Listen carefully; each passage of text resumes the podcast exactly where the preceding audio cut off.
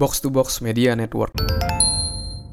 Hai, saya Andres Bordes, dan pada podcast kali ini saya akan sharing tentang gimana caranya bisa sukses di usia muda. Nah, ini jadi pertanyaan yang ada dalam di pikiran saya ketika saya masih SMA gitu ya. Saya mau kuliah, saya selalu bertanya gimana caranya biar bisa sukses nih di usia muda. Ketika saya kuliah, saya bisa berhasil, saya bisa mencapai berbagai macam goal-goal saya seperti itu. Dari pertanyaan tadi, itu membawa saya ke berbagai macam buku, berbagai macam training, dan ada satu prinsip yang sangat-sangat inspiratif, yang sangat-sangat mind blowing gitu ya untuk saya dan akhirnya saya terapkan dan itu bisa membuat saya mencapai berbagai macam goal saya di usia muda. Dan cara ini saya pelajari dari Tony Robbins, seorang pelatih sukses nomor satu di dunia, dari bukunya Unlimited Power dan juga Awaken the Giant Within. Jadi cara untuk sukses paling cepat atau kalau dalam konteks ini adalah di usia muda ya, masih muda dan kita ingin sukses, itu caranya adalah dengan satu yang namanya modeling. Nah, model itu kalau di Indonesia ibaratnya ya kita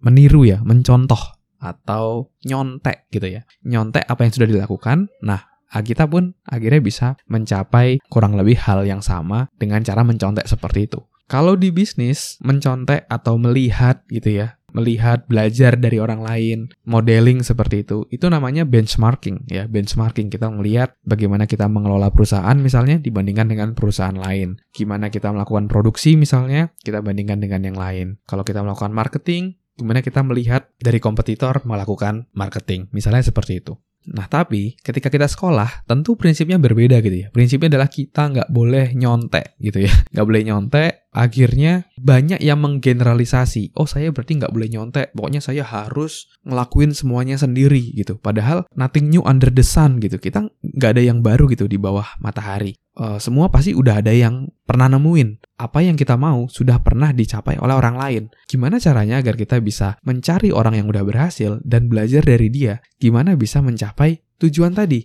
ya. Jadi bukan hanya sekedar cari how how how atau bagaimana bagaimana bagaimana dari diri kita, tapi kita cari who ya. Siapa? Siapa yang udah berhasil dan kita belajar dari dia, kita tiru caranya seperti apa sehingga kita bisa berhasil mencapai seperti dia.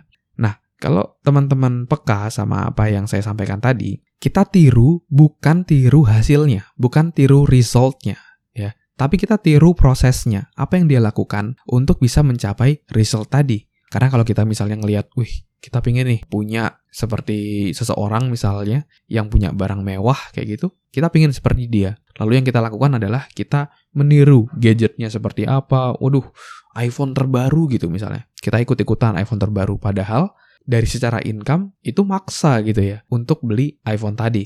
Nah itu kan jadi kurang bijak kayak gitu. Nah, jadi perlu digarisbawahi ya, yang ditiru, yang dicontek itu bukanlah hasilnya ya, bukanlah hasilnya, langsung ikut-ikutan hasilnya, tapi adalah prosesnya, bagaimana dia kerja kerasnya, bagaimana strateginya untuk mencapai tujuannya, itulah yang kita modeling, itulah yang kita pelajari dari sana. Jadi ketika kita mau mempercepat kesuksesan kita, kita harus cari dulu siapa yang udah berhasil mencapainya. Dengan seperti itu, kita akan lebih cepat untuk mencapai tujuan kita. Seperti contoh misalnya ketika saya di training, nah saya dulu nempel ya ke mentor saya waktu itu. Saya nempel ke guru saya Pak Fuad. Saya nempel gimana beliau memberikan training, gimana beliau memberikan in-house training, bagaimana negosiasi trainingnya dia. Ketika saya nempel, saya belajar gitu ya. Itu saya dapat ilmu. Oh, caranya seperti ini, tekniknya seperti ini. Dan itu mempercepat kesuksesan saya. Lalu prinsip ini juga saya pakai gitu ya di bidang lain, misalnya di pekerjaan saat ini di human resource. Saya mau menjadi pakar HR.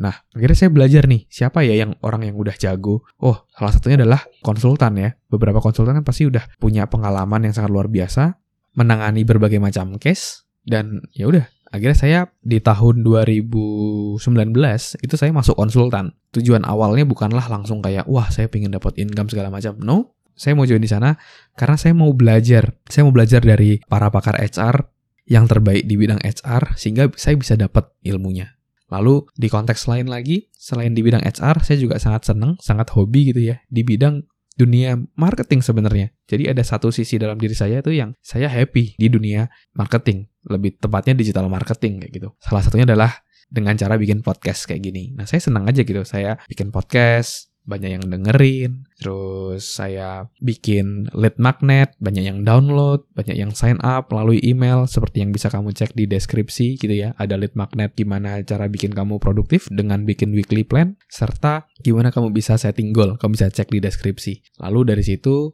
saya bikin webinar, banyak yang join.